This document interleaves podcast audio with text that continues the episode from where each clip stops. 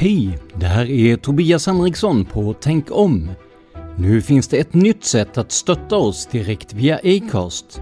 Följ länken i avsnittsbeskrivningen eller gå in på supporter.acast.com tankom. Tack för ditt stöd!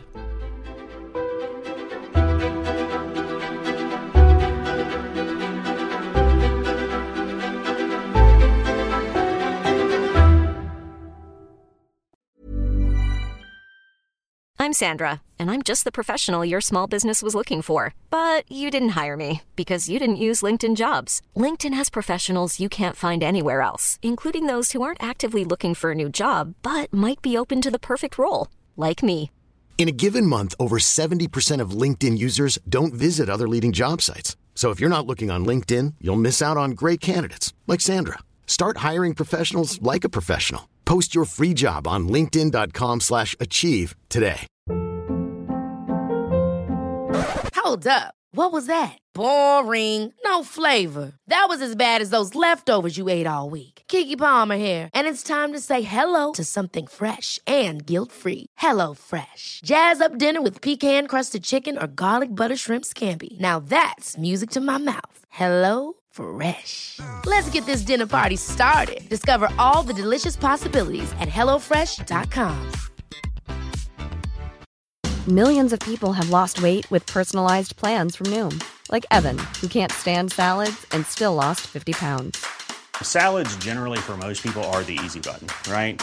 For me, that wasn't an option. I never really was a salad guy. That's just not who I am. But Noom worked for me.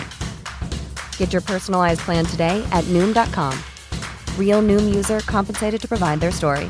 In four weeks, the typical Noom user can expect to lose one to two pounds per week. Individual results may vary.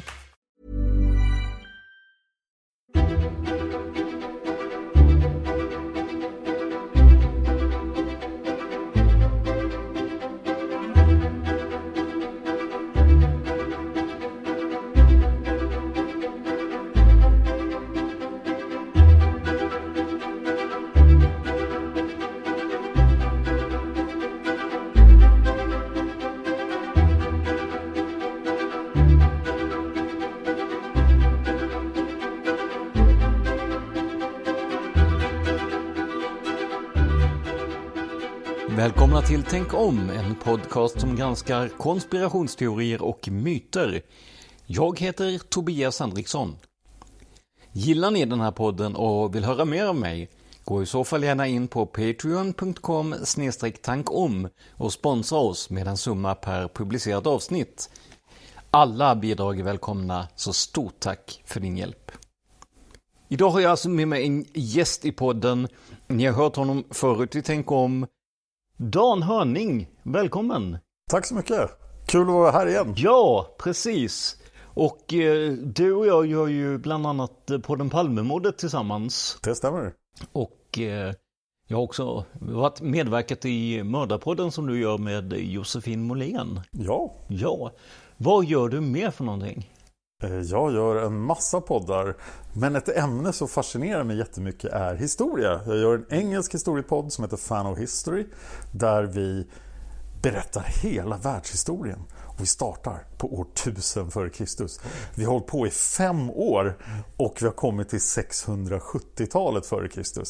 Så vill ni höra mig och Bernie Maupolski prata historia så kan ni göra det i Fan of History.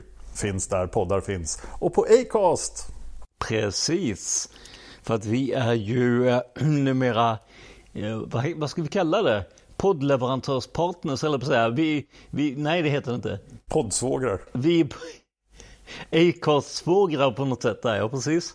Så att vi finns på Acast båda delarna, precis som eh, Tänk om som ni hittar på Acast.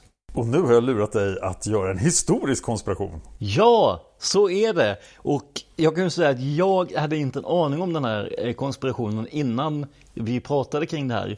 Så att eh, jag kommer skjuta in frågor, men du får förklara helt enkelt vad dagens konspiration eller konspirationsteori eller myt går ut på.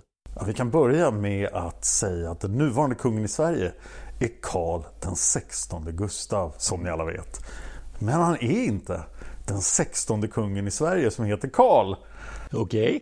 Och alla, de flesta kunganummer i Sverige är felaktiga. Gäller dock inte Gustav.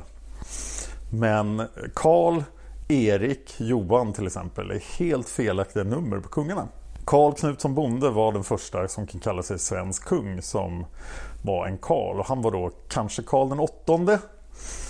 Så vad hände med de andra sju? Varför har svenska kungar så jättehöga nummer? Varför har vi en monark som går runt och säger ett felaktigt nummer Mycket bra fråga. på sitt kunganamn? Ja. Det är en jättebra fråga och det är det vi ska försöka ta reda på idag ju. Ja, Och det här kan jag säga, det här kommer att bli väldigt spännande för mig också. För jag har, jag bara, jag har hört delar av det men eh, inte hela historien. Så att, vad, vad var det som hände? Varför blev det de här konstiga, felaktiga... den här historien illustrerar väldigt väl hur mycket skada en fantasifull människa kan göra med tveksamma motiv på historieskrivningen. Och man undrar hur många andra exempel det finns i historien på folk som bara suttit och hittat på en massa skräp. Och för att kunna lista ut varför vi har så höga nummer måste vi prata just om en person vars förmåga att skriva historia är högst tveksam till den grad att han antingen verkar konstant berusad eller då avsiktligt lögnaktig eller bara jättefantasifull. Och den vi ska prata om är Johannes Magnus. Okej. Född 1488 i Linköping. Johannes var en präst. Han eh, studerade vid Katedralskolan i Skara. Och eh, han studerade teologi hos den blivande påven Hadrianus den sjätte i Leuven då. Han fick kontakt med Sten Sture den yngre och blev hans ombud i Rom. Och 1521 är den svenska ärkebiskopen i blåsväder. Gustav Trolle har nämligen eh, varit högst inblandad i Stockholms blodbad. Eh, och sen blev han då väldigt brutalt avsatt av Gustav Vasa. Så att Sverige behöver en ny ärkebiskop. Och Johannes Magnus har en förmåga att smila in sig hos viktiga personer. Så Sten Sture är död sedan länge, men han har smilat in sig hos Gustav Vasa. Som ännu inte har listat ut att han ska hänga på reformationen, att han ska bli protestant och ta katolska kyrkans alla pengar. Men det vet inte Gustav än. Eh, Och Johannes Magnus är ju då förstås en duktig katolik. Han har ju hängt med påven och alla så att han har ju förtroende. Så i Uppsala 1523 väljs Johannes Magnus till Sveriges ärkebiskop. Han är nu den coolaste prästen i Sverige. Men påven tycker nja, jag är inte helt säker. Jag har inte riktigt förstått vad som hände med den förra ärkebiskopen. Ja, just det. Var är han någonstans? Eh, mm, Ja. Och påven är också ganska upprörd över reformationen. Luther har ju spikat upp sina, eh, sina protester mot katolska kyrkan och hela Europa är uppror mot katolska kyrkan. Eh, Och Johannes Magnus, han blir så här, ja jag borde göra som påven säger. Men då börjar Gustav Vasa ha idéer så här, tänk om man skulle göra sig av med katolska kyrkan. Den här Lutherdomen verkar ju ganska trevlig tycker Gustav Vasa. Och Johannes Magnus är ju hans ärkebiskop. Så han blir så här, ja jag borde göra som påven säger. Men jag måste också göra som Gustav säger, oj oj. Eh, Hans Brask. Den berömde brasklappen Brask, från Stockholms ja, blodbad. Han kräver att Johannes Magnus ska införa inkvisitionen i Sverige för att få stopp på all protestantism. Men det fattar Johannes Magnus att det är nog inte så populärt hos eh, Gustav Vasa. Så han vägrar. Gustav Vasa lär ha utnyttjat Johannes Magnus tvekan hänsynslöst och fått honom att gå kungens vägar då. Han blir också satt att översätta Bibeln till svenska av Gustav Vasa eftersom han är en så god katolik. Så Gustav Vasa planerar att dölja reformationen i Sverige. Alltså översätta Bibeln, men det är en katolik som gör det. Man får inte översätta Bibeln, men det är en bra katolik som gör det. Det kanske går. Så att stackars Johannes Magnus hamnar verkligen mellan påven och Gustav Vasa. Till slut gör han ett desperat försök att få Gustav Vasa att gifta sig med en polsk prinsessa som heter Hedvig som ju är ärkekatolik. Och på så sätt försöka göra Gustav Vasa till katolik och få honom att ångra den väg han har börjat ta. Men det går jättedåligt. Och till slut måste Johannes Magnus fly Sverige. Och det här är ett enormt personligt nederlag för honom. För att han vill inget hellre än att vara i Sverige. Och nu kan han inte vara där för han är den katolska ärkebiskopen som då har gått i exil. Han beger sig till eh, Rom. Och eh, Venedig. Där bor även hans bror Olaus Magni. Och eh, han blir där beroende av andras välvilja. Folk tycker att det är så himla synd om dig som är katolsk ärkebiskop i Sverige för att eh, Sverige har ju liksom blivit eh, De är kättar allihop Men du är en rättrogen svensk Så han får i princip allmosor Men han har ju problem då När han sitter där i Rom och Venedig Vad ska han göra på dagen? Vad ska han syssla Nej, med? det, det låter ju inte så himla upplyftande faktiskt. Och han drivs av den här hemlängtan till Sverige. Så han bestämmer sig för att forska i svensk historia. Och han skriver då ett enormt verk om svensk historia. Men dels är hans källor ganska dåliga. Eh, han tittar på fel ställen. Han är inte i Sverige, han kan ju inte forska i Sverige. Och det blir en massa luckor i historien som han glatt fyller i med sina fantasier. Men det här är ändå en ganska stillsam verksamhet. Han sitter och gör det här och så, så 1544 dör han, begravs i Peterskyrkan i Rom. Då har också påven smort honom till ärkebiskop över Sverige. Så påven godkände honom redan 1533, men det var ingen i Sverige som brydde sig om det. Eftersom Sverige inte var katolska längre. Men eh, det hjälpte säkert för att få allmosor. Men när han då har dött, Johannes Magnus, han blev då således 56 år gammal bara. Just det. Så tycker hans bror att nu satt han ju ändå här på kammaren och skrev på de här, det här enorma verket. Han skrev två böcker som hans bror tyckte var värda att ge ut och mycket riktigt gav ut efter Johannes död. Den ena var Uppsala ärkestifts historia. Den är det ingen som bryr sig om. Men den andra boken är orsaken till att vi har helt fel uppfattning om vilka nummer våra kungar har. Okej. Och det är då det episka verket Historia de Omnibus Gothrum Svionumke Regbus. Även känt som Historia om alla Göternas och Svearnas konungar. Inte Götarnas, utan Göternes. Götenes, det är gammalsvenska låter det som. Ja. Och det blev utgivet på latin i Rom 1554. Och det här verket fick enorm genomslagskraft och förstörde svensk historieskrivningen i över 200 år. Han är kritisk till Gustav Vasa i verket eftersom han är ju sur för att han blev förvisad. Men han har tillägnat verket till Gustav Vasas söner. Kanske med tanken att de skulle ta tillbaka honom när Gustav Vasa var död, men han dog före Gustav Vasa. Och han är fruktansvärt patriotisk.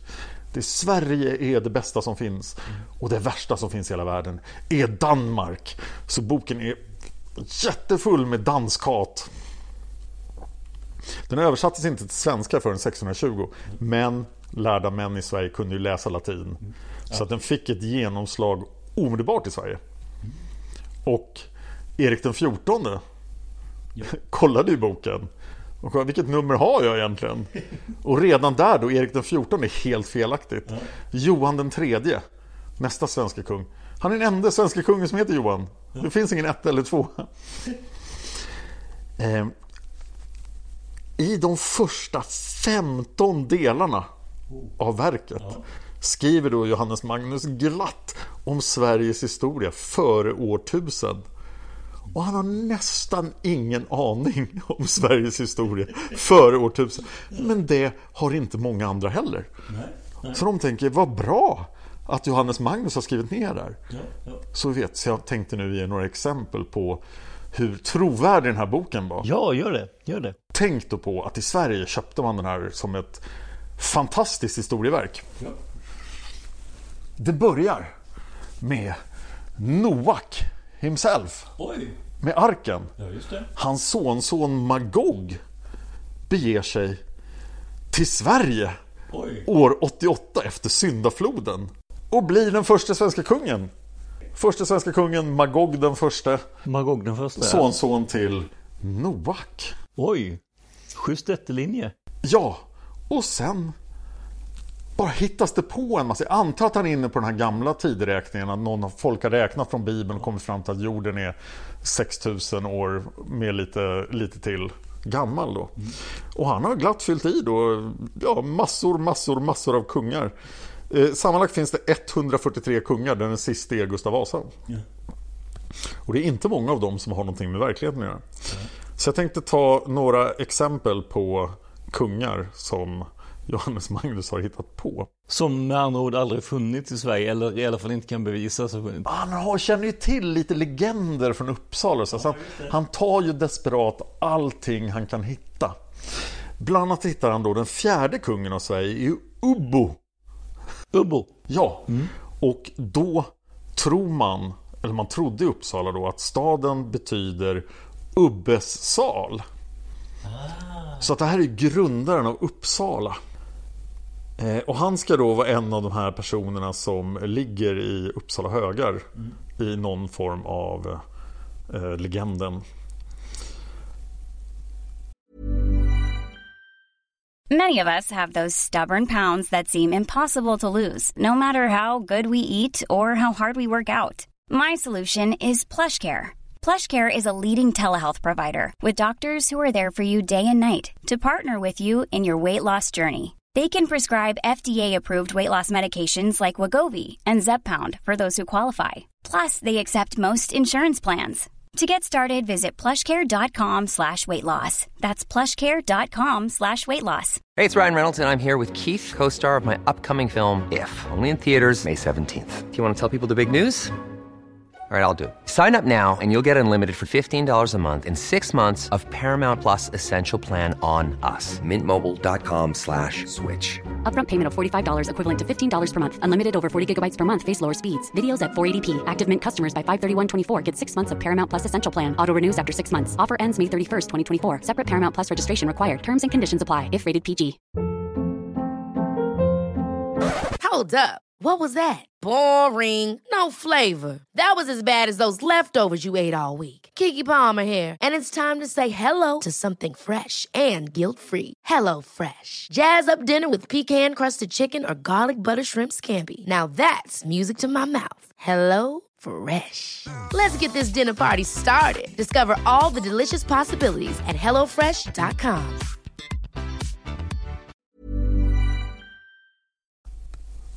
En annan kung han nämner är Gostagus. Han är svenska kungen nummer 90. Och eftersom han är en sån patriot, Johannes Magnus, så har han ju gjort alla de här kungarna hjältemodiga och bra. De gör ju bra saker för Sverige. Ubbo grundade Uppsala och Magog grundade Sverige. Och det finns massor av exempel på de här kungarna gör bra grejer. Men Gostagus får följande omnämnande. Dels är han en tyrann. Också då citat eh, Johannes Magnus. Knappt gick det en natt under årets lopp som Gustagus avhöll sig från hor, våldtäkt, incest och de smutsigaste samlag. Oj. Han hann alltså med alla fyra varje natt. Ja, det, det är ju i och för sig det är någon form av bedrift bara det, tänker jag. Vi har andra fantastiska kungar som kung Lindorm. Som grundade Lindome då, eller? Ja, det kanske han gjorde. Vi har diverse asagudar smyger in som Höder och sådär. Och är kungar. Men sen då lägger han på en massa kunganamn som man tror Gustav Vasa kommer att gilla. Som Erik, Karl och Johan, det vill säga Gustav Vasas söner. Så de hamnar där det fanns ett hål i historien. Och det dröjer då fram till 1700-talet innan folk på allvar börjar ifrågasätta det här och får någon slags genomslag. Så det är först i princip under upplysningen då som folk börjar ägna sig åt källkritik. Vem, vem, vem har hittat på det här? Var det verkligen Noaks sonson? Men Gustavus kanske var en trevlig kille. Har vi några mer historier om honom? Men vi har alltså kvar där än idag. Med kunganumren. Så att hela kunganumreringen, om vi kallar det så, idag baseras på en person som satt och skrev om Sverige utan att ha någon som helst källa till det egentligen. Nej, han hade källor. Men det var inte de bästa källorna. Nej, jag tänker du sa de första tusen åren eller vad var det? Fram till år 1000 var de första 15 böckerna. Ja, ja. Men det finns fler böcker. Eh, Man kan även läsa att eh, Sverige är goternas urhem. Okej. Som är en ganska vanlig teori. Goterna är ju ett folk som gav romarna väldigt mycket problem. Eh, Bland annat har man ju tänkt så här, varför heter det Gotland? Ön? Mm, de kanske kom därifrån. Eller Götaland, Gotaland. Ja. När Johannes hade dött så blev då hans bror som går ut med böckerna, han blev smord till katolsk ärkebiskop i, i Sverige. Men då brydde sig folk ännu mindre. Eh, Och det var först senare som det faktiskt dök upp katolska ärkebiskopar när vi tillät katoliker i Sverige igen. Och en anledning att det här överlever så länge är eh, stormaktstiden. För under stormaktstiden är ju Sverige stort och mäktigt, eller åtminstone tror vi att vi är det. Och då måste vi ha en sån här historia. Så att det är ganska lätt för stormaktstidens marknadsföringsansvariga bara, "Ja, men vi köper det här rakt av. Det här låter ju jättebra. Sverige är bra, Danmark är dåligt. Ja, nu kör vi. Eh, Och jag vill också nämna Carta Marina. Det är inte Johannes Magnus som är skyldig till den, utan det är då hans bror. Eh, Olaus Magnus, samma person som gav ut hans bok postumt och den andra ärkebiskopen i exil. Han la ner 12 år på rita en karta över Sverige. Och han sitter ju också i Venedig och hittar på saker. Han har ju dock bättre källor eftersom ja, det fanns ju kartor över Sverige. Men den här kartan får enormt genomslag och den är jämfört med dagens kartor fruktansvärt felaktig. Och osäkerheten ökar enormt då när man kommer norr om Dalälven. Och det här, vad som finns högst upp, det finns lite så här sjö och djur utanför Luleå och så, men det, det var ju sånt man gjorde på, på kartor på den tiden. Och det här finns det alltså bild på. Ja, Då tar vi och lägger upp den på Acast för er som lyssnar via Acast så kan ni se den kartbilden nu. Olaus Magnus skrev även ett, eh, en bok som heter Historia om de nordiska folken. Eh, Han har ungefär samma förhållande till sanningen som sin bror. Eh, Han lyckas även skriva om att svalorna gömmer sig i vattendrag under vintern. Så pass att när Carl von Linné gjorde sin skånska resa 1749 så trodde Carl von Linné citat om storkarna far till varmare länder eller om de vilar på sjöbotten tillsammans med svalorna är ännu ovisst. Oj, oj, oj. Så bröderna Magnus har eh, spritt mycket okunskap om Sverige. Jag vill försvara Olaus Magnus också och säga att hans bok är ju något bättre än hans brors. Och den innehåller en massa praktiska tips om hur folk lever i Norden. Man kan till och med få reda på hur man slår ner en påle i isen. Hur man bereder sin åkerjord. Hur man skyddar barn från ormar under skördetider. Och hur man formar bröd. Och det här var mer substantiella tips då, eller? Ja, det hette ju historia om de nordiska folken, men det är inte alls vad den innehåller, utan den innehåller en massa essäer om kultur, sociologi, psykologi, läkemedel, krigföring, arkitektur och moraliska ståndpunkter. Och det är inte alls begränsat till Norden. Och det finns massor av böcker i det här verket. För att på 1500-talet skrev man inte bara en bok i ett ämne. Men för några avsnitt sedan så pratade vi om något som vi kallade för konspirationens konsekvenser. Alltså när en konspiration eller konspirationsteori eller myt påverkar en väldig massa människor utan att det kanske egentligen var meningen. Finns det något som går att jämföra överhuvudtaget med någon som lyckades lura, eh, jag säga hela svenska folket egentligen då, hela kungalängden det här måste ju vara, det måste vara den största bluff, eller vad man ska kalla inte medveten bluff kanske, men jo det var det. Men Han måste ju ha vetat han måste ha att han satt och det. gissade. Mm. Det, det kan ju inte finnas någonting som är större än att lyckas lägga om hela kunganumreringen av någonting man har hittat på. Det måste finnas andra exempel i historien. Och det värsta är ju de exemplen som vi inte känner till. Nej, det är sant. Det kan finnas andra kungahus där ute som är felnumrerade, har fel, felnamnade eller någonting helt annat som vi absolut inte känner till. Eh, Ja, med risk för att sticka ut hakan då så pratar jag i Fan of History väldigt mycket om Gamla Testamentet. Oh, spännande. Som visade sig under all research vi har gjort att från år 884 före Kristus så är det Gamla Testamentet en av de bästa källor som finns. Och det här var folk förvånade över när väl det började dyk- dyka upp saker som stärkte det som stod i Gamla Testamentet. För att då på 1800-talet var folk övertygade om att hela Gamla Testamentet var en saga om de inte var fanatiskt kristna. Men den visar sig vara väldigt historiskt korrekt från 884 f.Kr. Medan nästan allting som står innan 884 f.Kr. verkar i princip ja, ha väldigt lite sanningshalt. Och det kan ni höra mer om i Fan of History och eh, jag kan komma tillbaka hit och berätta om vem som ljög i Gamla Testamentet. Oh, spännande. Men det är en annan historia. Och så finns ju, apropå det här med religion och konspirationsteorier, eh, en konspirationsteori som jag älskar och som jag fastnade väldigt mycket för, det är ju eh, Dan Browns bok Da Vinci-koden. Väldigt välskriven bok. Det är mycket välskriven bok. Och eh, jag fastnade så pass för den att jag började eh, läsa lite andra böcker om vad det fanns för, eh, för sanning helt enkelt i relationen, en eventuell relation mellan Jesus och Maria Magdalena och så vidare. Och eh, ja, det, det är ju ett ämne som hade varit väldigt roligt att ta upp eh, i framtiden. Där har vi historia, vi har religion och vi har en förbaskat bra historia får man ju säga. Och det finns ju, eh, man skulle kunna till och med göra ett Dan Brown-block på ett par tre avsnitt om man skulle vilja det. Absolut. Ja. Ett annat framtida ämne om vi ska prata om Bibeln är vem skrev evangelierna? För det är definitivt inte de fyra lärjungarna som är namngivna. Men det är en annan historia. Det är en annan historia. Men dagens historia, alltså jag, har, jag tror aldrig jag hört något så det, det är helt häpnadsväckande och fruktansvärt underhållande historia. Det är ju riktigt kul att höra. Jag kan bara tänka mig Johannes Magnus när han sitter där i Venedig och jag vill hem till Sverige. Ja. Jag var bättre på Ubbos tid. Ja, det måste ha varit det. Men ja, alltså det är ju ingen, han tar ju ifrån tårna också, det här med Noahs sonson var det va? Som, ja, det, ja, nej han tar verkligen ifrån tårna.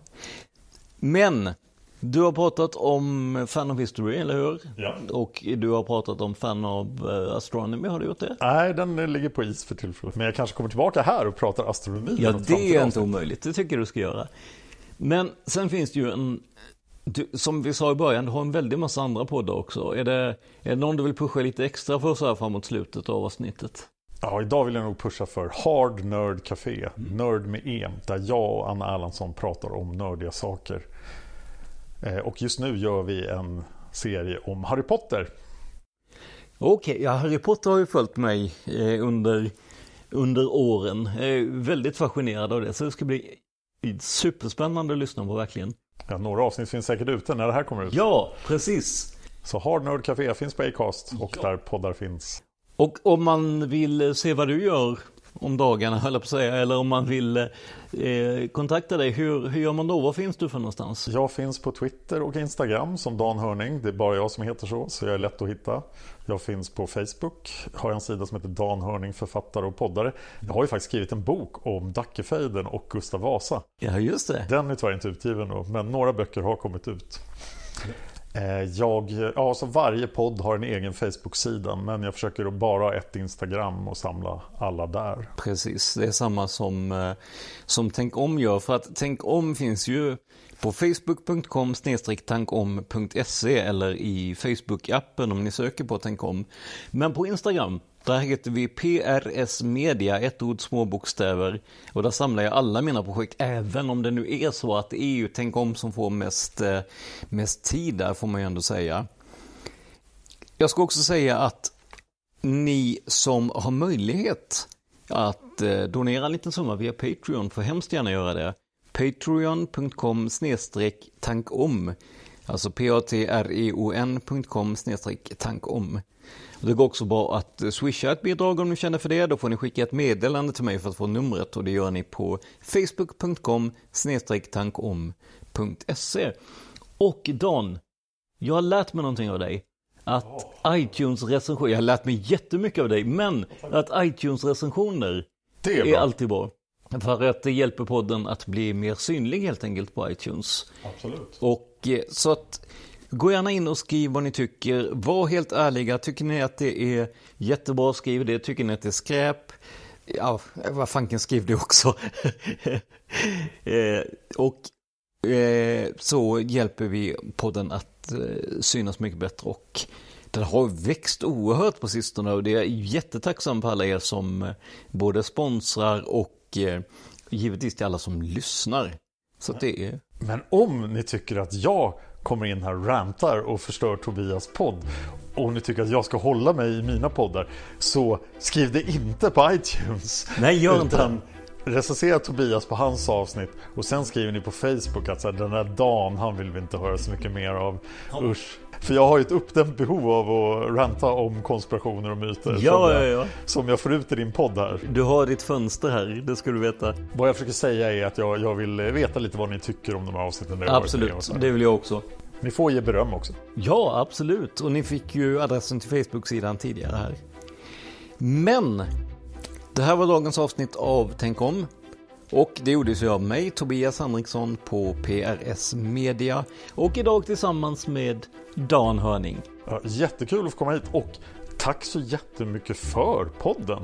Det här är en av mina favoritpoddar. Jag tycker varje gång det kommer ut ett Tänk om-avsnitt så är jag där och lyssnar. Ja, härligt. Ja, jättekul.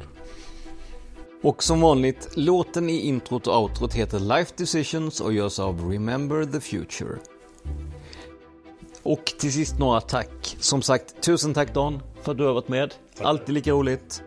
Tack till Acast som distribuerar podden. Men framförallt, stort tack för att ni lyssnar på Tänk om.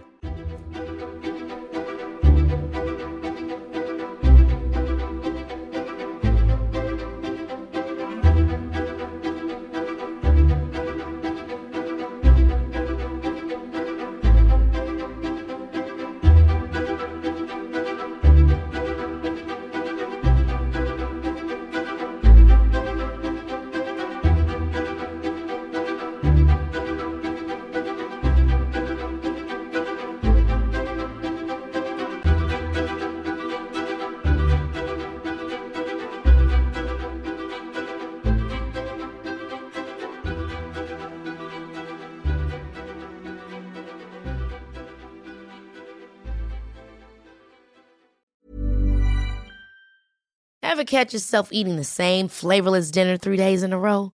Dreaming of something better? Well, HelloFresh is your guilt-free dream come true, baby. It's me, Kiki Palmer. Let's wake up those taste buds with hot, juicy pecan-crusted chicken or garlic butter shrimp scampi. Mm. Hello Fresh. Stop dreaming of all the delicious possibilities and dig in at HelloFresh.com. Let's get this dinner party started. When it comes to your finances, you think you've done it all. You've saved, you've researched, and you've invested all that you can.